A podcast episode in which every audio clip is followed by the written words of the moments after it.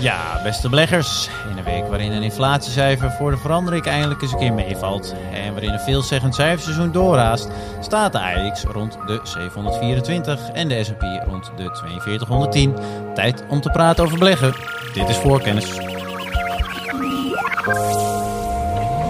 Three ways to make a living in this business. Be first, be smarter, or cheat. No, I don't cheat. Beleggersbelangen presenteert voor kennis. Ja, beste beleggers, leuk dat jullie weer luisteren naar een nieuwe aflevering van Voorkennis. Mijn naam is eh, Maarten Butterman en samen met Karel Merks en Johan Brinkman werpen wij een blik eh, op de beurzen en behandelen we voor de reeks portefeuille podcast vandaag een, zeer efficiënte portefeuille, namelijk eh, de portefeuille NL. Zoals altijd echt beginnen we met een blik op het beursnieuws dat ons opviel en daarvoor kijken Karel aan. Karel, leuk dat je erbij bent. Wat is je allemaal opgevallen? Mm, laat ik beginnen met uh, het belangrijkste. Want uh, de vaste luisteraars weten dat ik het Amerikaanse uh, inflatiecijfer de belangrijkste drijfveer vind voor de Amerikaanse beurs. Mm -hmm. ja, gisteren op woensdag kwam het nieuwe inflatiecijfer uit. En wat bleek, de inflatie over de maand juli kwam uit op 0,0. Dus ja. de inflatie is letterlijk in één keer verdwenen. En daardoor schoten de koersen omhoog. Wacht even, ik heb dit dan niet, het niet in één keer verdwenen. De groei van de inflatie is dan uh, letterlijk in één keer verdwenen. Nou ja, kijk, ik bedoel, inflatie bekijken we altijd op een periode van 12 maanden. Mm -hmm. Dus dan worden de prijzen van juli worden vergelijken met de prijzen van juli uh, een jaar geleden. Ja, en deze okay. prijzen waren 8,5% hoger. Alleen wat er uh, afgelopen maand gebeurd is, is belangrijker dan wat er de elf maanden daarvoor gebeurd is. Mm -hmm. En in de afgelopen maand, dus in juli 2022, lagen de prijzen op precies hetzelfde niveau als juni ja. 2022. En daarom schoten die beurskoersen zo hard omhoog. Ah, okay. Omdat gewoon die hele groei van die inflatie is eruit. En er is geen inflatie meer op maandbasis. Uiteraard wel nog uh, op jaarbasis. Ja. Alleen daarom gingen die koersen zo hard omhoog. Wat het gewoon september weer nul is. En oktober is nul. Ja, dan lopen uiteindelijk, gaan die inflatiecijfers flink dalen. Ja. En dus dat... beleggen is vooruitkijken en niet wat er gebeurd is uh, een jaar geleden. Nee, oké, okay, inderdaad. Want jullie zaten allebei, jij zat op de Bloomberg, mailde bij ons spannend naar het cijfer te kijken. Ik heb eigenlijk niet meegekregen, is het zoveel gestegen dat je zei, uh, daarna schoten de beurzen omhoog? Ja, de inflatie is niet gestegen, was 0,0. Nee, de, de en dan was de in respons. Kijk, de AX toen, toen op 7,16 en in één tik ging je naar 7,23, 7,24. Okay. Dat zijn wel uh, enorme bewegingen. Ja. Alleen het belangrijkste is natuurlijk wat de Fed in september gaat doen. En één datapunt maakt nog geen trend. Hmm. Weet je, en vlak voor het cijfer uh, hadden de Fed futures ingeprijsd dat er in september waarschijnlijk een uh, renteverhoging gaat aankomen van zo'n 68 basispunten. Hmm. En nu donderdag, 24 uur later, is dat gedaald uh, tot 62 basispunten. Nou ja, zoals je weet gaat de Fed altijd een rente verhogen in stapjes van 25 basispunten. Ja, er komt of 50 basispunten bij of 75. Dus er is weinig veranderd. Dus we zullen de komende tijd de cijfers in de gaten moeten houden. Ja. Maar ik wil nog een paar andere dingen uh, ja, bekijken, waar ook altijd. helemaal niemand naar kijkt. Maar waar ik uh, nou ja, bijna letterlijk slapeloze nachten van krijg. Nou, daar ben ik wel heel benieuwd. Nou ja, de elektriciteitsprijzen in Duitsland en Frankrijk uh, leverbaar over 12 maanden. En als je deze dan kijkt, uh, afgelopen week, net weer als die week ervoor en die week ervoor en et cetera, weer een nieuw all-time high bereikt. Ja. Weet je, en die, in, in Duitsland liggen nu die, die prijzen uh, 1045 procent hoger dan twee jaar geleden. En in Frankrijk 1180 procent. Ja, bizarre aantal. Weet je, en toen ik hier naar het kantoor liep, zat ik de economenpanel BNR podcast te luisteren. En daar vertelden ze dat uh, 5 à 10 procent van uh, heel veel Nederlanders uh, hun uitgaven maandelijks is aan elektriciteit. Ja, moet je nagaan als het straks tien keer zoveel is en je geeft dat 10% uit. Ja. Ik bedoel, er is er een heel groot probleem. Ja, hoe en wat het, uh, nou ja, kom er zo uh, nog later uh, wel heel even op terug. Maar we toch ook even naar Johan gaan, anders ja, zitten ja. we al tien minuten verder. Johan, wat is jou wel opgevallen ja, deze week? Ja. Nou, ook een aantal dingen, overigens van wat Karel zegt, van al die mensen die hun energierekening nu al niet kunnen betalen en straks helemaal niet meer. Dat vind ik inderdaad belangrijke reden om, uh, om wakker te liggen. Ik lig mm. wat minder uh, wakker van de, de gevolgen voor de beurs, uh, moet ik eerlijk zeggen. Mm. Ik wou twee dingen noemen. Ja, even inhakend op die inflatiecijfers. Karel, of jij noemde dat net al even. gistermiddag half drie, meen ik, zat Karel achter de Bloomberg Terminal bij ons op kantoor. En uh, ik zat uh, op kantoor ook uh, naar de rug van Karel te kijken, maar ook naar mijn account bij een van de, de grote brokers. Ja. En nou, we zagen allebei hetzelfde, namelijk koersen die nou, omhoog spoten, is wat, wat overdreven, maar toch wel nou ja, binnen enkele seconden tot een paar minuten behoorlijk omhoog gingen. Mm. En ja, dat Karel heeft heel belangrijk hartige dingen gezegd over de uh, inflatie en hoe je dat moet lezen.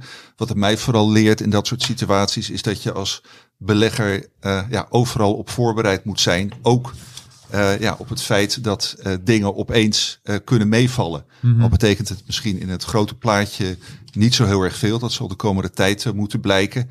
Ik denk, ja, dat is een echt een stokpaardje voor mij dat je als belegger gewoon uh, voor een periode van bijvoorbeeld een jaar een plan moet hebben, dat je dat plan moet uitvoeren.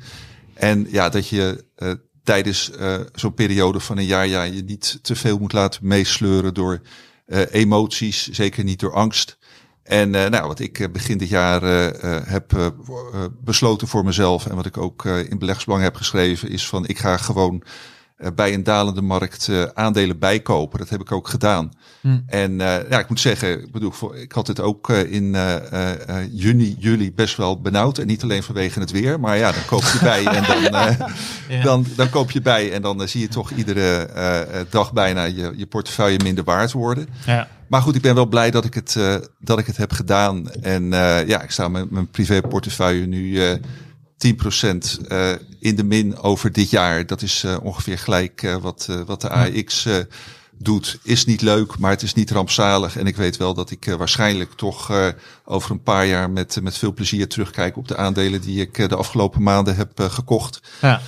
En nou, tweede, ook een positieve meevaller was ook gisteren, maar dan voor beurs cijfers van Ahold eh, Delhaize, een van uh, onze sectorfavorieten, ook een van de aandelen in de portefeuille NL. Ja. Uh, natuurlijk sowieso een prachtig uh, aandeel, maar werd toch met enige angst en beven gekeken naar hoe, van, hoe ja, dat aandeel zich zou houden, hoe dat bedrijf zich zou houden bij ja, oplopende kosten, consumenten die natuurlijk kritisch naar hun boodschappen kijken. Nou, in het geval van Ahold Delhaize was van dat alles een, een negatief effect uh, gewoon heel erg weinig te merken. Mm -hmm. uh, kostenstijgingen hebben ze heel goed uh, opgevangen door ja, gewoon heel erg kritisch naar de interne kosten te kijken. Dus ja, bepaalde kosten kun je gewoon op besparen. En ja, toch relatief weinig prijsverhogingen door te voeren, waardoor de consumenten ja, volumes bleven afnemen. Uh, nou, kort gezegd, uh, uh, Aalt heeft een uitstekend kwartaal achter de rug en verhoogde ook ja, de prognoses voor de rest van het jaar. En dat is, nou, dat beloden beleggers gisteren ja, meteen. te zien en, op de beurs. ja. ja, en dat geeft mij ook vertrouwen in dit, in dit aandeel. Oké, nou kijk eens aan. We komen er zo inderdaad voor de portefeuille NL ongetwijfeld nog op terug, want dat is daar onderdeel van. Had jij nog andere dingen, Karel, ja, voor twee, de terugblik? Twee dingen, ik zal het heel kort houden. Voor het eerst deze tijd. week lagen er schepen stil in Europa vanwege het lage water. Dus ik ben even naar uh, de Rijn, ja, een van de belangrijkste rivieren. Dus ik ben even naar Eurostad gegaan. En het blijkt gewoon dat de Rijn uh, heel erg belangrijk is voor Europa. Wat er jaarlijks uh, eh, 80 miljard wordt toegevoegd aan de economie. Via goederen het over de Rijn wordt vervoerd. Dus het hm. begint nu op stil meer, meer plaatsen stil te liggen. En het waterdieptepunt uh, is nog niet bereikt. Dus we nee. hebben weer een ander probleem bij in, uh, in Europa. En wat ik me ik ook. Vond dit, ik vond dit overigens een mooi voorbeeld van uh, de impact van klimaatverandering, zeg maar, qua economisch kostenplaatje. Dat die zo direct was doorgevoerd. Dat ik weet niet meer waar ik het las. Maar iemand bracht inderdaad het argument op dat je zo wel heel direct kan zien, inderdaad. Dat daardoor de economie vertraging kan oplopen. Ja, en wat je ook heel duidelijk ziet is, en ik lees er helemaal niks over. Maar je ziet dus gewoon elke dag zie je een nieuw all-time high in het valutapaar uh, Zwitserse frank euro. Dus er is een enorme kapitaalvlucht gaande van, van Europa naar Zwitserland. Niemand heeft het erover, maar ja, we zijn toch assets aan het verkopen in Europa om het naar Zwitserland te brengen. Okay. Dus ik ben heel nieuwsgierig waar dat naartoe gaat. Vlak voor de uitzending weer een nieuw all-time high. Sinds de oprichting van de euro, uh, deze munt in 99. Dat vind ik heel erg opvallend. Zeker, ben... ja. Ik miste heel even het bruggetje. nou ja, Klimaatverandering. Ja, kijk, het hele het bruggetje. Zwitserland. Nou ja, kijk, het bruggetje is natuurlijk van uh, de elektriciteitsprijzen in Europa uh, zorgen er dus voor dat bedrijven en consumenten het de komende kwartalen heel zwaar gaan krijgen. Nou ja, die scheepvaart zorgt ervoor dat de economie weer een nieuwe tik krijgt. Ja. Ja, en uiteindelijk zie je dus elke keer dat in tijden van crisis eh, geld stroomt eh, naar Zwitserland toe. Omdat Zwitserland het enige land is wat altijd aan zijn financiële verplichtingen heeft voldaan. Ik bedoel, zelfs Nederland heeft wel eens zijn schulden niet afbetaald. En Zwitserland altijd. Oké. Dus op het moment dat je gewoon dagelijks nieuwe all-time high in de Zwitserse frank ziet, dan denk ik van, wat is hier aan de hand? Ja, zeker, is een moment eh, om op te letten. Jij wilde ook nog heel even voor het blad eh, wat aanhalen, want jij hebt een eh, omslagverhaal geschreven. Ja, klopt. Ik bedoel, er gebeurt zoveel Over in de wereld. Er gebeurt inderdaad zoveel, net zoveel blaadjes als dat voor, jij voor je hebt. Het zijn gewoon netjes vier blaadjes. Ik vind dat wel heel redelijk, Maarten. Nee, ik heb een om, omslagverhaal geschreven voor tijdschrift Beleggersbelangen. Mhm. En even in een notendop. de Amerikaanse overheid is de oliemarkt aan het overspoelen met olie uit de strategische voorraden. Mhm. Die zijn aangelegd eh, in de jaren zeventig, omdat ze nooit meer eh, wilden dat een, eh, een land de mogelijkheid had om de Amerikaanse economie te weinig olie te laten hebben, zoals die olieboycott. Nou ja, nu laten ze dat dus los, omdat ze de inflatie willen dalen. En precies 100 miljoen vaten zijn in de afgelopen zes maanden vrijgegeven. Eh, de voorraden bij bedrijven zijn gestegen met 20 miljoen. Dus dat betekent dat die 80 miljoen olievaten zijn eh, opgebruikt in de Amerikaanse economie. Ja. Dus ja, op het moment dat die voorraden leeg zijn of ze stoppen het met leeghalen, ja, dan hebben we dus een probleem van 80 miljoen olievaten over een periode van zes maanden. Ja. En ik heb in dat drie pagina artikel geanalyseerd wat dat zou betekenen voor de grote wereldwijde oliemajors. Ja, artikel in de, show, eh, in de show notes. Een van de vele argumenten inderdaad. En het is eh, zeker een heel goed en mooi artikel aan te raden. En ik zal de link inderdaad eh, in de show notes zetten. Dankjewel Maarten. Voorkennis. Want het is tijd eh, om verder te gaan. En dat eh, in dit geval met de portefeuille van deze week. Dat is de portefeuille NL, beheerd door onze eigen hoofdredacteur Johan Brinkman. En efficiënt zo is, dacht hij, ik heb zo'n tien financieel specialisten tot mijn beschikking. Ik laat hen lekker de portefeuille invullen. Door ze allemaal een sectorfavoriet eh, te vragen. Om zodoende een gespreide portefeuille-invulling te geven. Uiteraard ben ik veel te kort door de bocht met deze verklaring. En gelukkig is Johan gewoon aanwezig. Dus we kunnen hem vragen om het verhaal zelf te vertellen. Johan, portefeuille NL, eh, leuke portefeuille. Hoe en waarom, wanneer is het ontstaan? Vertel. Ja. Nou, zo kort de bocht is het nou ook weer niet, eh, Maarten. Eh, want het is inderdaad bijzonder efficiënt. Ja. Nee, ik, even iets over de ontstaansgeschiedenis van de portefeuille. Zo grappig is op 1 juli eh, 2013 eh, begonnen. Eh, door toenmalige redacteur van ons financieel analist, die erg was gespecialiseerd in, in Nederlandse aandelen. En dat is op zich wel een, eh, een grappige datum, want eh, ik heb eh, voor het commentaar wat ik deze week voor beleggersbelangen heb geschreven, is even gewoon voor de lol gekeken naar zomerrallies, omdat we ja, momenteel toch wel in een soort zomerrally Ja. zitten. En ja, de laatste, ja, min of meer serieuze zomerrally die we hadden was in 2013. En toen zijn we dus met de portefeuille NL begonnen. Althans Ja. is deze redacteur met de portefeuille NL begonnen namens beleggersbelangen. En eh, ja, die, eh, hij eh, keek vooral naar cyclische aandelen. Dus aandelen die het ja, tijden, in optimistische tijden heel erg goed doen. Dus eh, ja, technologie, industrie, uitzendbureaus, et cetera.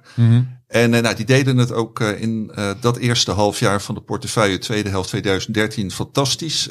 Ruim 40% rendement in een half jaar tijd. Eh, dus eh, nou ja, dat was een hele goede eh, start. En nou, heel leuk dat we toen, nou ja, we vonden het toen heel leuk. En dat vinden we nog steeds heel leuk dat we die portefeuille zijn begonnen. Eh, echter, eh, ja, eh, in eh, cyclische sectoren beleggen heeft natuurlijk ook een, een keerzijde. Namelijk dat als ja, de cyclus neergaat, of althans beleggers vrezen dat die neergaat, dat dan de portefeuille het ook eh, behoorlijk slecht doet. En dat was ja, meteen in. Hebben we ook meegemaakt het hebben we ook meegemaakt. Was, was, nou, was onder andere ook in 2014 het geval. Maar goed, eh, die portefeuille heeft het gewoon een aantal jaren best eh, eh, heel aardig gedaan. Mhm. De betreffende specialist ging echter op een gegeven moment uit dienst. Toen heb ik dat in eerste instantie van hem overgenomen. En nou, dan zijn we ongeveer in het jaar eh, 2018 eh, beland. En nou ja, 2018 was ook zo'n jaar dat cyclische aandelen het absoluut heel erg slecht deden. Mhm. Uh, was van alles aan de hand. Uh, met name ook uh, ja, de handelsoorlog tussen China en de VS, die in de hoogtijdagen van Trump toen ja. beleggers bang maakte. ik dacht ook, maar Karel die weet dat vast beter, dat de Fed toen ook ja, bezig was om eventueel wat aan de rente te gaan doen. Dus daardoor gingen cyclische aandelen gingen ook best hard onderuit. Karel Schut, ja. ja Voor de luisteraar. Klopt, ik bedoel, de Fed heeft twee foute uitspraken gedaan. Ik bedoel, van afgelopen jaar was het natuurlijk uh, transitory. De inflatie zal verdwijnen. En het is heel hard afgerekend. In 2018 maakte hij een andere fout. Dus zei Powell, we gaan gewoon de rente verhogen op automatische piloot, onafhankelijk wat de economie doet. En dat vonden cyclische aandelen ook niet heel leuk. Nee, nee. Ja, ik, ik zat net te, te twijfelen. Was dat toen al Powell? Was dat nog mevrouw Jellen? Dat was maar Powell. was Powell uh, ja. Hij ja. zit er al sinds 17. Ja, time flies. Maar goed, uh, in ieder geval ging in dat jaar de portefeuille NL hard onderuit. AIX ook, maar wel wat minder hard dan de portefeuille NL. Mm. En nou ja, toen bedachten we aan het einde van dat jaar van ja, we moeten toch misschien wat anders met die portefeuille NL. Want die cyclische aandelen uh, nou, A, hebben we de specialist niet meer in huis. En B, is dat, doet het misschien toch niet uh, heel erg gericht aan wat we allemaal uh, ook voor andere aandelen hebben. Mm -hmm. En toen hebben we besluit genomen om eind 2018 het dus de portefeuille te maken van met onze favoriete Nederlandse aandelen. Ja. En nou, ik heb het stukje er net nog eventjes bijgepakt en uh, uitgeprint. Dan moet ik het wel eventjes. Uh, oh ja, hier heb ik het.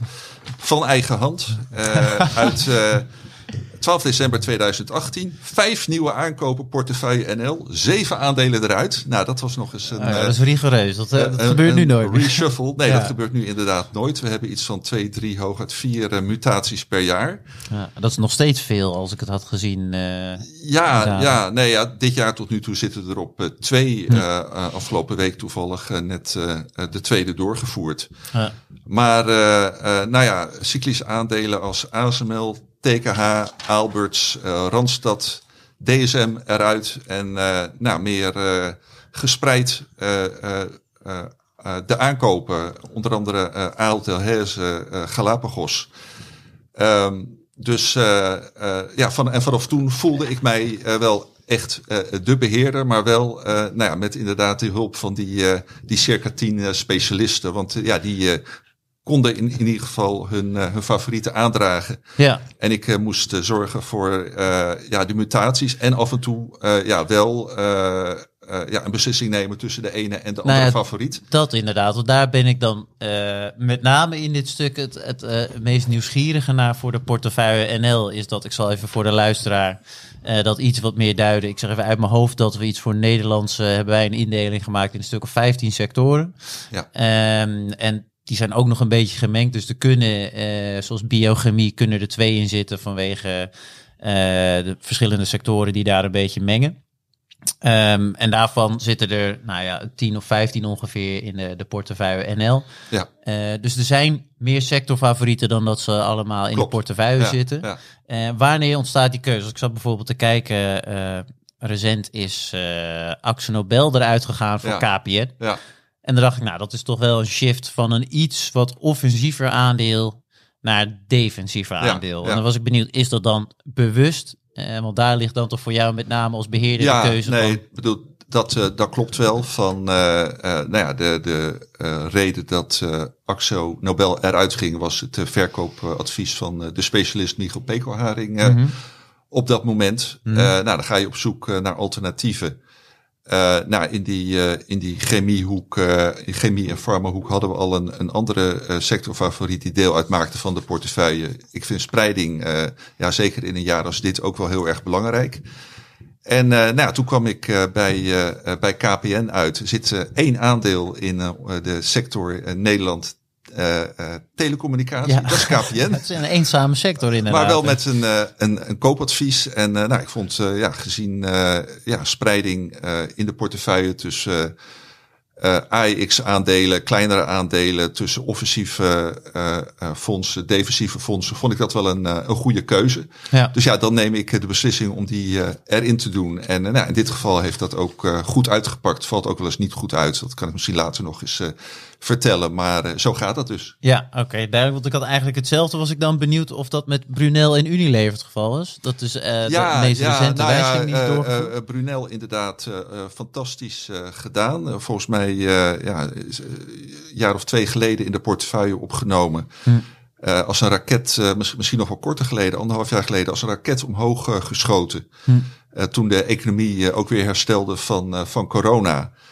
Ja, nu al een tijdje vrij stabiel. we, zien, we zagen bij de jaarcijfers of de halfjaarcijfers dat ja, de groei er een beetje uit is. Hm. ja, werkgevers worden toch iets voorzichtiger in bepaalde delen van de wereld, bepaalde delen van Europa waar Brunel actief is om mensen in te huren. Dus ja, dan zegt de sectorspecialist Peter Schutte van voor de komende twaalf maanden zie ik het niet met het aandeel. Ik geef een verkoopadvies. Dus heb ik het meteen eruit gehaald. En ja, en dan ga ik weer kijken bij uh, de andere sectorfavorieten die we niet in portefeuille hebben. Ook weer een beetje kijken naar spreiding. Mm -hmm. Nou, op een gegeven moment, al jaren geleden, heb ik een keer Heineken eruit gegooid als sectorfavoriet in de sector uh, bier en drank, wou ik zeggen, maar uh, uh, drank, voeding en drank, zo heet voeding het. en drank, ja. ja en nou, daar hebben we sinds Karel eigenlijk Unilever volgt een nieuwe sectorfavoriet, namelijk Unilever. Nou, er zijn ook positieve ontwikkelingen over te melden. Een activistische aandeelhouder die zich roert. ja, gewoon goede perspectieven voor Unilever om ook de, deze moeilijke periode door te komen, bleek uit de kwartaalcijfers. Dus uh, heb ik die erin maar en, en ook wat bewust wat defensiever, dus of dat speelde ja, dat niet echt mee hier dat, in de... Nee, dat, dat, speelt zeker wel, uh, dat speelt zeker wel mee. Ah. Maar ja, voor mij is toch eigenlijk wel uh, heel erg belangrijk het element van, van spreiding. En ja, kijk, we hebben ook, ik, ik, noem maar wat, een BC uit hoek technologie hebben in de portefeuille zitten. Mm. Nou, sectorspecialist Hildo Laman is ook heel erg enthousiast, misschien nog wel enthousiaster op dit moment over ASMI. Uh, maar goed, ik vind dat dan toch gewoon te veel MBC en ASMI in de portefeuille. Ja. Dus dan kies ik toch liever voor een wat ander aandeel. Ja, oké. Okay. Unilever overigens, Karel, nog steeds een mooi aandeel? Ja, en extreem laag. Als je net als sectorfavoriet laat. Extreem laag gewaardeerd. Ik bedoel, ja. Het geld stroomt er letterlijk als water binnen. Want zoals je weet hou ik altijd van de vrije kaststroom. Ja. En het voordeel van de vrije kaststroom is dat je letterlijk ziet hoeveel een bedrijf aan het verdienen is. Want dat is het geld wat je overhoudt. Uh, als je alle kosten hebt gedaan, inclusief uh, de belasting en de afschrijvingen. En niet voor al die bijzondere dingen. Dat zegt gewoon heel veel. Ja. En als je dan kijkt hoeveel Unilever overhoudt uh, voor elke euro aan beurskoers. Dan is dat 5,5 cent. Ja. En als je kijkt naar de concurrent als Nestlé, die zit uh, op iets minder dan 2,5. Dus het betekent dat gewoon Nestlé meer dan 100% duurder is uh, dan Unilever. En een euro wat je overhoudt is een euro dat je overhoudt. Dat is gewoon geld. Kijk, dus, Cruyffiaanse dus, wijsheid. Dus het bedrijf is geprijsd alsof alles misgaat. Werkelijk hm. alles misgaat. En, Unile en Nestlé is geprijsd alsof werkelijk alles goed gaat. Goed gaat. Dus als er ja. bij, als Nestlé verandert van een perfecte toekomst naar een bijna perfecte toekomst, dan daalt het aandeel. Als het aandeel van als de omstandigheden van Unilever van extreem dramatisch veranderen naar dramatisch, dan stijgt het aandeel al. Weet je? En de vooruitzichten zijn gewoon goed. Dus ik uh, ben heel erg blij dat ja. Johan hem heeft opgenomen. Nou ja, een mooi aandeel om in portefeuille te hebben, blijkbaar. Toch nog even terug, dat ben ik op zich benieuwd. Het stukje wegingen, dat lijkt me dan, aangezien het allemaal om sectorfavorieten gaat, zijn er minimum en maximum. Uh, dat daar, ik zag bijvoorbeeld de Bezi heeft, uh, nou dat is de, de ster van de portefeuille ja, bij wijze van spreken. Die ja. staat op, wat is het? Ik heb hem hier. 11,5. Ja, maar op 6, 6, 7, bijna 1700% rendement. Ja, dat, dat is echt heel erg snel gegaan. Met, dus dat, uh, is dat elke keer afgetopt? Of, uh... Uh, ja, nou niet elke keer helaas. Um, van, nee, we hebben de, de, de stelregel dat per sector, maar ook per positie mm -hmm. de weging niet meer mag zijn dan 20% En ik heb Bezi inderdaad een keer uh, afgetopt. Uh, mm -hmm. Toen die uh, ja, boven de 20% uitkwam. Ja. ik heb Bezi later, en dat was volgens mij nou, niet meer dan een jaar geleden, wilde ik ze ook nog iets aftoppen. Want dreigt dus ook boven de 20% te komen. Net niet, dus dan doe ik het niet. Dat was wel jammer, want ze hebben daarna een flinke tik naar beneden gehad. Mm maar ja, dat, ja die, die 20% is inderdaad absoluut het plafond. ja, voor, voor een, een minimale um, zwaarte hebben we niet echt regels van uh, kijk, zo'n. Uh, ook, ook voor aankopen niet? Wordt er altijd voor nou, hetzelfde kijk, bedrag? Ik, bedoel, uh, ik kijk, kijk een beetje wat de, de, de positie die we hebben verkocht, wat die heeft opgeleverd. Ik kijk een beetje wat het gemiddelde is van ja, wat een positie weegt op dat moment. Mm -hmm. Dat het een beetje een gelijke weging heeft met de andere posities.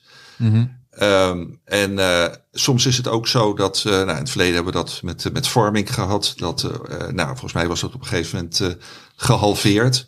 Op een gegeven moment als ik dan wat geld over heb uit dividendbetalingen bijvoorbeeld, dan stort ik ook wat bij, bij van die afgezakte aandelen dat de positie wel ja, enigszins okay. in, in stand blijft. Ja. Dus uh, dat, dat doe ik wel. Uh, ja, kijk, uh, op het moment dat het minder dan een, een, een, paar procent van de totale portefeuille is, dan heeft het natuurlijk niet zo gek veel zin in zo'n kleine portefeuille om hem erin te laten. Want dan nee, ja, kunnen eventuele klappers hebben dan een minimale effect. Ja. Dat is een mooi bruggetje natuurlijk, wat je met cm.com ja. wil gaan doen. Want het heeft een weging van iets meer dan dan 3%. Ja, ja. En dat is een kwart van de wezing van de zwaarste aandeel uh, OSI, wat op ruim 12 zit. Ja, nee, dat klopt. Uh, nou ja, cm.com is dan inderdaad een van die aandelen waar wel een uh, verhaal over uh, te vertellen is. Vertel. vertel, ja. ja, ja. ja. Nee, we hebben niet afgesproken nou dit, hè? We waren, uh, we, uh, uh, mijn collega Hilde Laman was eigenlijk vanaf het begin af aan heel erg positief over cm.com. En dat heeft ja, beleggers in die zin ook geen windeieren gelegd. Dat, nee, zeker. Nou ja, ze volgens mij op een gegeven moment op een rendement van, van 200% stonden. Ik heb ze ook uh, vrij snel als uh, sectorfavoriet van Hildo in dat uh, hoekje van, van technologie in portefeuille genomen. Hmm. Waren ze al wat opgelopen. Maar hmm. ja, ik dacht volgens mij vorig jaar, zeker tot augustus, absolute koploper in de portefeuille NL. Hmm. Ja, daarna is het heel, heel, heel erg hard naar beneden gegaan. Ik, alle, alle winst die zijn we kwijtgespeeld. Uh, dit jaar uh, nou, staat het aandeel nog op een uh, verlies van zo'n 60 procent. En nou ja, vanaf het begin nu op, op min 5. Dus ja, is echt verschrikkelijk. ja, dan trek je natuurlijk wel aan de ene kant de haren uit je hoofd van... ja, had ik maar het eerder uit portefeuille gehaald... Aan de andere kant, ja, Hildo die blijft met name dit aandeel toch echt als zijn sectorfavoriet zien. Hm. En uh, ja, kijk, je probeert, we proberen natuurlijk wel ieder jaar de AIX te verslaan, maar je moet toch ook wel even iets verder kijken. Uh, Basi is ook uh, echt in het verleden enorm onderuit gegaan. Ook wel eens uh, 40, 50 procent ja. in, nou, bij wijze van spreken, een half jaar onderuit gegaan. Hebben we ook gehandhaafd. Heb ik toen de tijd overigens ook privé in portefeuille genomen. Heeft het daarna weer geweldig gedaan. Kijk, je wil natuurlijk uh, niet twee of drie of vier van zulke uh, bewegelijke aandelen uh, tegelijkertijd in je portefeuille hebben. Mm -hmm. Maar ik vind het gewoon wel stoer en ook wel gewoon getuigen van ja, geloof in, ons eigen, in onze eigen kennis. Om dan zo'n zo'n aandeel erin te houden. Ja, Oké, okay, zonder meer. Ik was ook. En, en, en nou ja, om terug te komen op de vraag van Karel, op het moment dat, dat er gewoon weer wat geld over is door een, een uh, aandeel wat we eruit willen gooien of dividenden zijn ontvangen, dan is eh, cm.com absoluut een kandidaat om weer wat, uh, ja, wat, wat de weging weer wat zwaarder te maken. De weging wat zwaarder ja. te maken. Want er zit verder niet van een stop-loss systeem in. Nee, nee, nee. nee dat, uh, nee. dat zit er verder niet. Oké, okay. ik was zelf nog wat betreft weging ook benieuwd of er iets van een maximum zit aan small, mid of large caps. Ik zag zelfs nog, ik heb in een document uit het verleden gezien dat er nog een weging van lokale fondsen zelfs aanwezig was. En was ja, ik ook nou benieuwd ja, bij of uh, verhandelbaarheid uh, misschien nog een eis is. Ja, uh, nou, goede vraag. Ja. nee, Value 8 is ook al heel erg lang een, onze sectorfavoriet bij de, de participatiefondsen. Hm. Um, het fonds van onze grote vriend Peter Paul de Vries, zoals de meeste beleggers wel, wel weten. Hm. Um, ja, doet het eigenlijk best redelijk. zeker dit jaar blijft het gewoon. nee, nou, blijft gewoon goed liggen. Ehm, het is niet een van de uitblinkers. Het zakt ook niet heel, heel hard weg. Ja, die, dat, dat heb je ook. Dat heb je ook nodig. En dat is een lokaal fonds. Ik bedoel, ik geloof dat ze misschien wel eens een keer in de small cap index hebben gezeten. Of daar een keer komen. Maar ja, bedoel, uh, ik vind ja, juist dit soort fondsjes. Uh, CM.com denk ik toen we dat opnamen dat het ook nog een ja, lokaal eh, fonds was. Dus dat is juist de meerwaarde van beleggersbelangen. Dat onze specialisten ook die, uh, die lokale markt in de gaten houden. en, Verkoper hier. ja, nee maar, nee, maar kijk, dat is natuurlijk ook uh, misschien komen we daar later nog op. Een argument om, uh, om deze portefeuille te hebben. Dat je natuurlijk uh, A, de interesse hebt van de Nederlandse abonnees in Nederlandse aandelen. Ja. Maar B, ook gewoon natuurlijk als geen ander kennis hebt van wat er op het beursplein gebeurt. En nou, dat moet je dan wel etaleren. Ja, Oké. Hey, ik was nog eh, wat betreft weging nog één laatste of twee lagen vragen eigenlijk. Is er nog groei en waarde? Wordt daar een beetje onderscheid in gehouden? Nee, of, nee. Eh, kijk, het, wordt natuurlijk wel deels ondervangen doordat je dat we uh, ja, in, in sectoren, verschillende sectoren beleggen. nou, heel eenvoudig. Voeding en drank, telecom, dat zijn traditioneel defensieve sectoren. Mm nou, detachering, industrie, meer, meer cyclus. Dus in die zin heb je wel gewoon een automatisch wat spreiding ook tussen cyclisch of tussen defensief en offensief uh, en groei en waarde. Oké. Karel kwam vanmiddag nog met uh, de slimme opmerking toen we de rendementen aan het vergelijken waren van de, de, portefeuille NL en uh, de Ajax Total Return. Ja. Uh, die kwamen allebei op ongeveer 174 uit. Ja. De, de portefeuille NL die won het net, gezien vanaf de meeste dagcijkaders. Maar is er nog cash aanwezig op dit moment? Uh, dat antwoord was nee. Is er überhaupt soms cash nee, aanwezig of is, het altijd uh, volbelegd? Iets, iets cash uh, aanwezig, maar niet zodanig dat ik zou willen zeggen dat deze portefeuille een waanzinnige outperformance heeft. überhaupt geen outperformance op de AX Total Return over diezelfde periode. Hm. ja, iedereen die de portefeuille op de website bekijkt, die kan zien dat dat niet zo is. Dus dat wil ik dan ook zeker niet, niet uitdragen. Wat we eigenlijk zouden moeten gaan berekenen. En ik denk dat de portefeuille daar heel positief in uitkomt. Van ik bedoel, wat is uh, de AX? Dat is eigenlijk is dat ASML. En als je dan over de afgelopen uh, jaren kijkt, heeft ASML het fantastisch gedaan. Hij zit niet in de portefeuille. Dus op het moment dat je gewoon met andere fondsen hetzelfde rendement behaalt uh, als de AX, dan is dat toch volgens mij een dikke outperformance. Als we een keertje gaan uitrekenen wat de AX had gedaan als er geen ASML in zat. Ja, nou als ja. het equal weight zou zijn, bedoel je? Bijvoorbeeld equal weight. Is die hier maar wat niet van de AX? Vast wel, Die, die kunnen we wel berekenen, maar ja, je kan ook ja. gewoon de AX berekenen zonder ASML. Hmm. Ja. En volgens mij is ASML echt een heel groot gedeelte van het rendement komt door... Uh, de afsplitsing van Philips. Ja. Hm.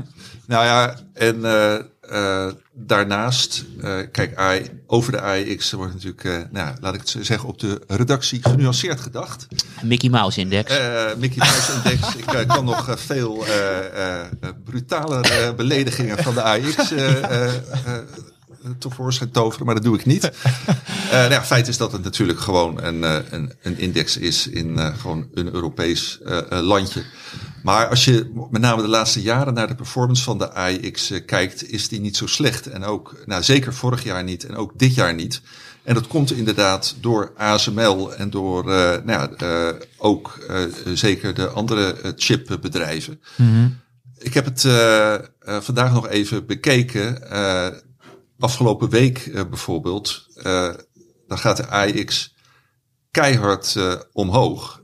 En uh, uh, nou ja, dan zitten ze echt in de voetsporen van de grote S&P 500 in, uh, in de VS. Waar die ook een hele zware weging heeft in, in technologieaandelen. Maar bijvoorbeeld ja, de, de DAX in Duitsland of de CAC in Frankrijk, die komen daar gewoon niet aan.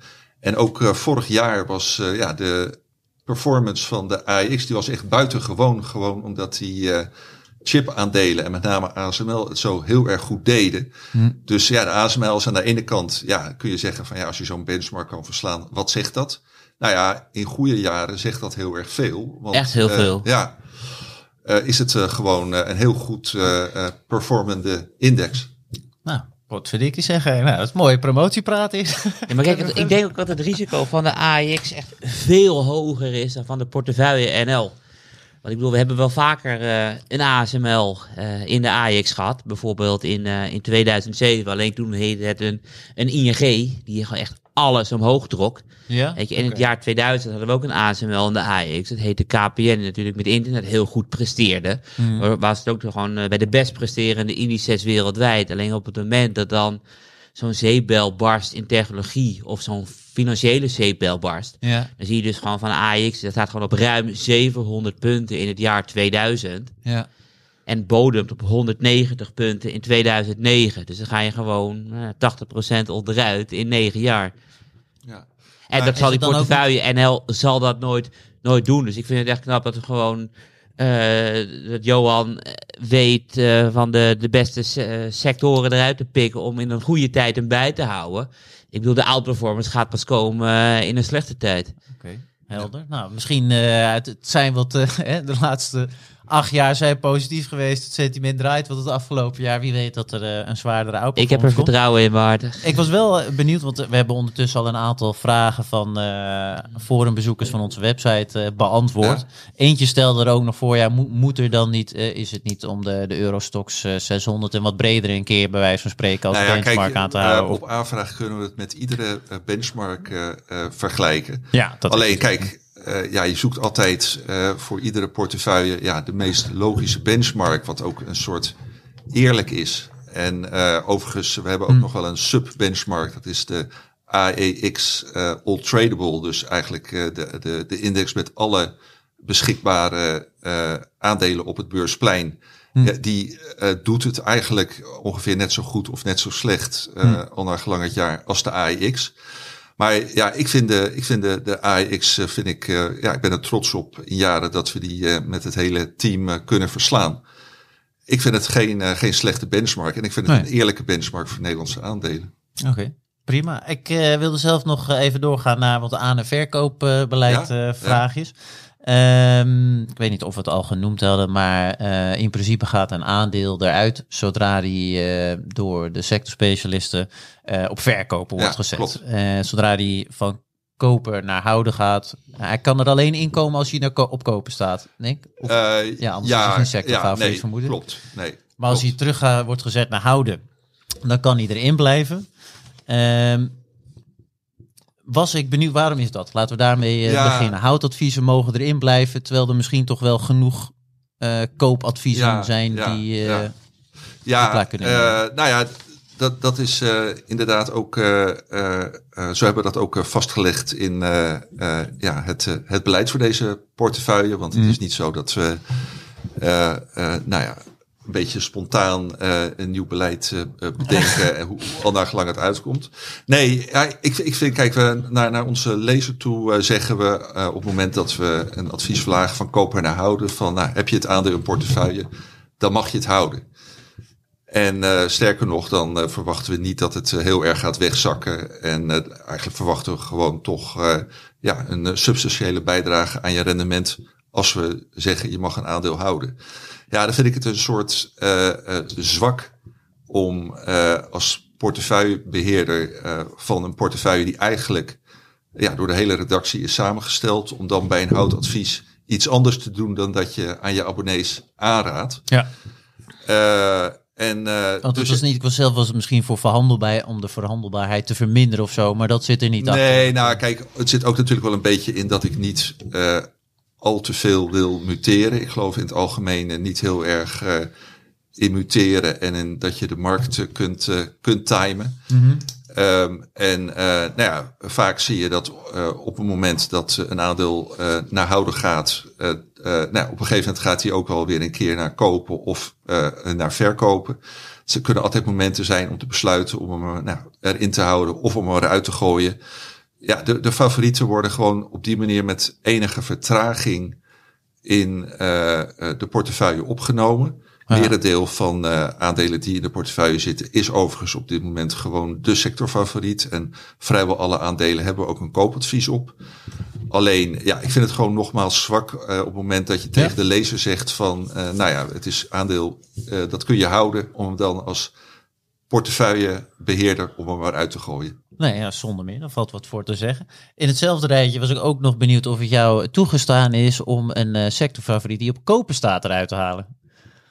Nee. Dat je nee, gewoon nou denkt ja, uh, uh, van, nee, nou ja, ja. ik heb het wel gehad met, met Nee, het ja, aandeel. eh, eh, wat eh, het, eh, toegestaan, ik ben zelf de baas. Dus, eh, maar nee, maar ik ga, ik ga dan wel in tegen het, eh, eh, tegen het eh, mede door mijzelf bepaalde beleggingsbeleid. En eh, Ja. ja. dat wil ik toch gewoon niet, eh, eh, niet doen. Dus dat, eh, dat doe ik niet. Nee, En, en dan ook nog voor onder het uh, noemtje verkopen. Is er een moment dat een verlies zo groot is dat jij zelf uh, de trekker overhaalt om die eruit te halen? Is dat misschien al voorgekomen of is dat ook niet? Uh, nee, dat, nee, nee, nee. Kijk, ik vraag natuurlijk wel eens aan analisten van joh, dit aandeel dat, dat loopt al een tijdje niet zo goed en hm. je vindt het nog steeds fantastisch. En ja, hoe zit dat dan? En dus dat, dat, dat doe ik, dat doe ik wel. Um, maar uh, nou, zo heb ik gewoon met name vorig jaar best wel twijfel gehad over, over farming. Uh, hadden we houtadvies op. Uh, ja, Michiel was dus niet super, super enthousiast. Aandeel deed, deed ook weinig. Maar goed, ik heb zoiets als iemand, nogmaals, als iemand vindt, de belegger, de abonnee moet het in portefeuille houden, hou ik het zelf ook in portefeuille. Overigens, net afgelopen week, naar aanleiding van de halfjaarcijfers, heeft Michiel gezegd van, uh, Farming is weer koopwaardig.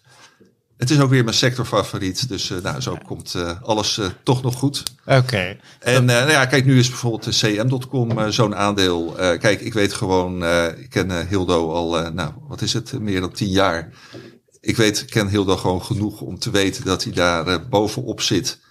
En nou, dat hij echt, net als toen de tijd met, met Basic, gewoon niet in paniek raakt door zo'n koersval, maar gewoon uh, ja, zijn eigen visie erop laat en zegt van ja, dit aandeel moet op een gegeven moment gewoon weer gaan stijgen.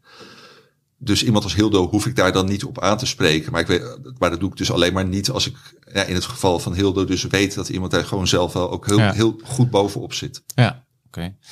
Um, je noemde net al heel even het cijferseizoen. Mo heb, er zijn al heel veel voorbij gekomen. Ergens zijn er nog een paar aantal aandelen die uh, daar goed doorheen zijn gekomen of minder goed? Uh, ja, nou, aantal heel erg goed. Ik, ik noemde uh, Ahold al ja. uh, met uh, outlook-verhoging. ik noemde, of Karel noemde Unilever al met vooruitzichten die gewoon heel erg goed zijn. SBM Offshore in de sector olie en offshore, die hebben winstverwachting verhoogd. Dus zijn ook heel goed uit de bus gekomen. Het wordt eentonig. KPN, winstverwachtingen verhoogd. AMG, metalenspecialist, outlookverhoging. Uh, farming, uh, nou, zei ik net ook al, uh, goede vooruitzichten, hogere winst. Ja. Osi, echt een van de uitblinkers, misschien wel de uitblinker, zwaarste weging op dit moment. Met hele goede vooruitzichten. Dus uh, ja, kijk, dat vind ik gewoon... Redelijke resultaten. Ja, nee, zeer, mooie zeer resultaten redelijke eigenlijk. resultaten. Ja. En kijk, dat vind ik het uh, ja, mooie van beleggen. Er zit natuurlijk enorm veel negativiteit in de, in de samenleving. Uh, terecht ook voor een deel. Er zit enorm veel negativiteit in de financiële wereld. Ook terecht. Mm. Tegelijkertijd, als je, ja, er zijn ook gewoon hele goede bedrijven die er goed doorheen komen. Uh, die juist ook wel uh, van deze hele uh, nare omstandigheden dit jaar profiteren. En ja, als je dan wil beleggen, zijn dat ja, wel gewoon lichtpuntjes. Is het, is het een beetje, even een hele korte uitstap, maar is het, ik, na, na aanloop van dit cijferseizoen, werd door velen gezegd, nou, dit is het cijferseizoen waar ik het meest in jaren naar uitkijk. Ja. Uh, gegeven de economische krimp en de, aan de andere kant de inflatie. Is het, Karel, is het, is het hoe verloopt het cijferseizoen een beetje tot dusver? Ik heb geen idee of daar zo 1, 2, 3 een maatstaf voor te nee, Kijk, je hebt is, een paar hele Even een korte dingen die aan de hand zijn. Ja. Ik bedoel, we hebben de afgelopen jaren was één ding wat telde, was dus de ASML's. Chips en wat de komende jaren geldt, zal ook waarschijnlijk chips zijn. Dus ik kijk zelf heel veel naar die chipsector. Hm. Ja, wat is het grootste bedrijf uh, in de wereld uh, qua chips? Dat is Nvidia. Nou ja, bijna 500 miljard uh, aan beurswaarde. Gewoon ruim twee keer uh, ASML. En Nvidia zegt van ja, we komen niet aan 8,1 miljard omzet afgelopen kwartaal, maar 6,7. Dus gewoon 1,4 miljard minder dan dat ze zelf verwacht hadden. Ja. Weet je, en dan kan je nog tegenin mengen van ja, het is gewoon gaming en we spelen wat minder spelletjes en ze verkopen chips voor crypto mining en crypto doet niet. Maar gisteren of eergisteren kwam eh, Micron naar buiten. Ja. Weet je, die maakt gewoon veel bredere chips. Weet je, die waarschuwde ook. Ah ja, dat is heel erg, heel erg opvallend. Dus gewoon dat die hele computerbranche gewoon schokkend tot, tot stilstand komt. Dus dat is gewoon de, de groeisector. En als je dan gewoon kijkt naar eh, de consument die bij Walmart shopt. Mhm. Ja, Walmart zegt van ja, iedereen koopt alleen nog maar voedsel waar wij een lage marge op hebben en niet meer de hoog renderende elektronica. En onze voorraadhuizen liggen gewoon helemaal vol met die spullen. Dus de meeste bedrijven komen er nog wel goed doorheen. Alleen die, die grootste chippers en de grootste supermarkten ter wereld, Ja. ja, die eh, beginnen nu last te krijgen, weet je. En zoals ik al zei in de intro, ik vrees wat er gaat eh, gebeuren op het moment eh, dat de elektriciteitsprijzen gaan stijgen. Like, iedereen heeft natuurlijk nog een vast contract en dat- die rollen Ja. langzaam over. Dus het zijn echt een trend van vele kwartalen. Oké, nou tot zover even het uitstapje. Of wilde je nog wat zeggen Nou over het ja, ik had eh, allerlei eh, eh, opstekers eh, genoemd voor de portefeuille NL. Ook Ja. verhogingen van eh, ja, ongeveer de helft van de bedrijven. ja, Dus ik wou net hartstikke zeggen. Het klonk positiever dan Maar- het van vandaag. Dat is mooi inderdaad. Nee, maar goed, er zijn eh, ook uiteraard eh, eh, tegenvallers te melden in de cijfers van, eh, van de afgelopen weken. En Hm. eh, nou ja, om eh, aan te sluiten waar, waarbij, eh, eh, waar Karel eh, mee, mee afsloot. Nou ja, Bezi eh, moest ook inderdaad een omzetdip melden. Vreemd genoeg heeft het aandeel het wel weer heel erg goed gedaan de laatste weken. Maar dat heeft dan weer alles te maken met inflatie en renteverwachtingen. Ehm, nou ja, wat ik net al noemde, eh CM.com moest een, een groeivertraging melden. Eh, nou ja, in het grote plaatje eh, eh, maakt dat wat ons betreft niet zo heel veel uit. In die zin dat we koerswinst verwachten de komende jaren voor dit bedrijf. Maar nou, is natuurlijk op zich geen goed teken. Nou ja, wat ik zei, Brunel zat tot vorige week in, of tot begin deze, tot in de loop van deze week zelfs in de portefeuille. Ja, moest ook tegenvallers melden. Tegenvallende groei hebben we daarom uit portefeuille genomen. En ehm, eh, nou ja, goed, laten we ook niet eh, vergeten dat bij eh, eh, nou, een aandeel als, eh, als ING, wat we eh, vanuit de financiële sector in portefeuille hebben, nou ja, dat eh, de, de schade beperkt wordt, maar dat het aandeel het ook niet, eh, niet fantastisch doet. En het bedrijf eh, eh, eigenlijk ook niet. En eh, nou hetzelfde geldt ook, eh, ook voor Vagron. Dus eh, ja, ik bedoel, het is niet allemaal Hosanna in de portefeuille NL. Maar Nee. het valt mij per saldo absoluut niet tegen hoe het afgelopen kwartaalseizoen is verlopen. Nee, dat is mooi. Ik was even, je noemde ING inderdaad. Volgens mij, maar corrigeer mij, Ja. ja. knijter had als ik het fout heb. Is dat nou een mooi voorbeeld van een aandeel dat niet sectorfavoriet is? Nee, klopt. Want ja. dat is van Landschot ja. Campus. Nee, dat klopt. Was nu. ooit eh, wel of ooit. Ja. Eh, Nou, tot een half jaar geleden of zo. Precies. En eh, ja, Michiel die zegt nu eh, van, eh eh nou mooi aandeel om, eh, om aan te houden. Maar, eh, dus dat is inderdaad wel een van die aandelen eh, waar, eh, waarvan je dan, eh, eh, waar, waarvoor geldt dat met, of een van de sectoren waarvoor geldt dat met enige vertraging eh, eh, ja, de sectorfavoriet wordt, eh, wordt aangenomen. Maar Ja. nogmaals, ik vind als we tegen de lezer zeggen, ING mag je gerust in portefeuille houden, dan moeten we dat zelf ook doen. Ja, oké. Nog twee vragen. Eén van mijn kant eh, en eentje vanuit het publiek. Een vraag waar we echt niet omheen kunnen. Spannend. Eh, ja, dus dat doe ik heel goed. Doe ik eerst even mijn eigen Die vraag vraag. van jou kunnen we wel omheen, maar... Ja, ja eigenlijk maar- wel. maar- ja. Maar dat doen Nou, we niet, hè? Heel we niet. simpel eh, kan die beantwoorden, denk ik. Maar Ja. Wat louter aandelen in de portefeuille. Maar mogen ook wellicht fondsen of misschien een obligatie voor Nederlandse grond worden toegevoegd? Of is het eh 100% Nee, in aandelen? We hebben gezegd 100% in de Amsterdam genoteerde aandelen. Ah, Oké, Ja. nou kijk, Ja. kunnen we daar kort over blijven. Dan eh, sluiten we af met de vraag eh, vanuit het publiek, vanuit het forum. Ik zat er zelf ook al eh, mee in mijn hoofd. En ik noem hem gewoon heel even één op één, neem ik hem over vanuit het eh, forum. Maar is het verstandig om op basis van een optimale spreiding eh, over sectoren je te beperken tot eh, Nederlandse aandelen? Ja, nee, daar, is kun- dat, daar kunnen we eh, zeker niet omheen. En nee. het antwoord is ook heel eh, duidelijk eh, nee, dat is niet verstandig. Maar Ehm, toch doen we het, vertel. Nou, toch doen we het. Kijk, wat ik in het begin zei is van... toch heel veel Nederlandse beleggers, zeker beleggers die nou al wat langer meelopen, die beleggen voornamelijk in Nederlandse aandelen. Mhm. je ziet dat wel verschuiven bij de jongere generatie die, die eerder naar de Amerikaanse aandelen schuift. Maar uh, nou, we zien het traditioneel wel dat uh, de abonnee is geïnteresseerd in Nederlandse aandelen. Hm. daarnaast nou, ligt daar ook een belangrijk deel van onze expertise. Ik schat zomaar zo dat ja, de helft van de redactiecapaciteit ja, benut wordt om ons in Nederlandse aandelen te benutten. Ja. Is ook leuk om uh, nou, de, de, de, de cm.coms, de ebusco's, nou, de value aids aandelen die niet heel de wereld volgt, om die wel goed te volgen en daar de krenten uit de pap te halen. En dan is het ook uh, uh, een goed idee, vonden wij, om uh, nou, daar gewoon een geconcentreerde Nederlandse portefeuille van te maken. Hm. Wat waar je helemaal, bedoel, je, je, je, kunt absoluut zeggen van, nou, ik, ik beperk mijn beleggersblik in eerste instantie tot Amsterdam en ik volg die portefeuille. Ik bedoel, er is helemaal niks verkeerd mee. Dan beleg je in hartstikke goede aandelen.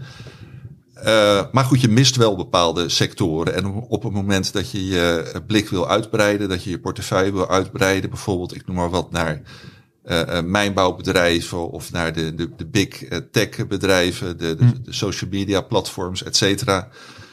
Uh, ja, dan, dan moet je ook absoluut uh, de grens overkijken. Ik bedoel, dat, dat, dat, dat is absoluut wat wij bij beleggersbelangen ook vinden.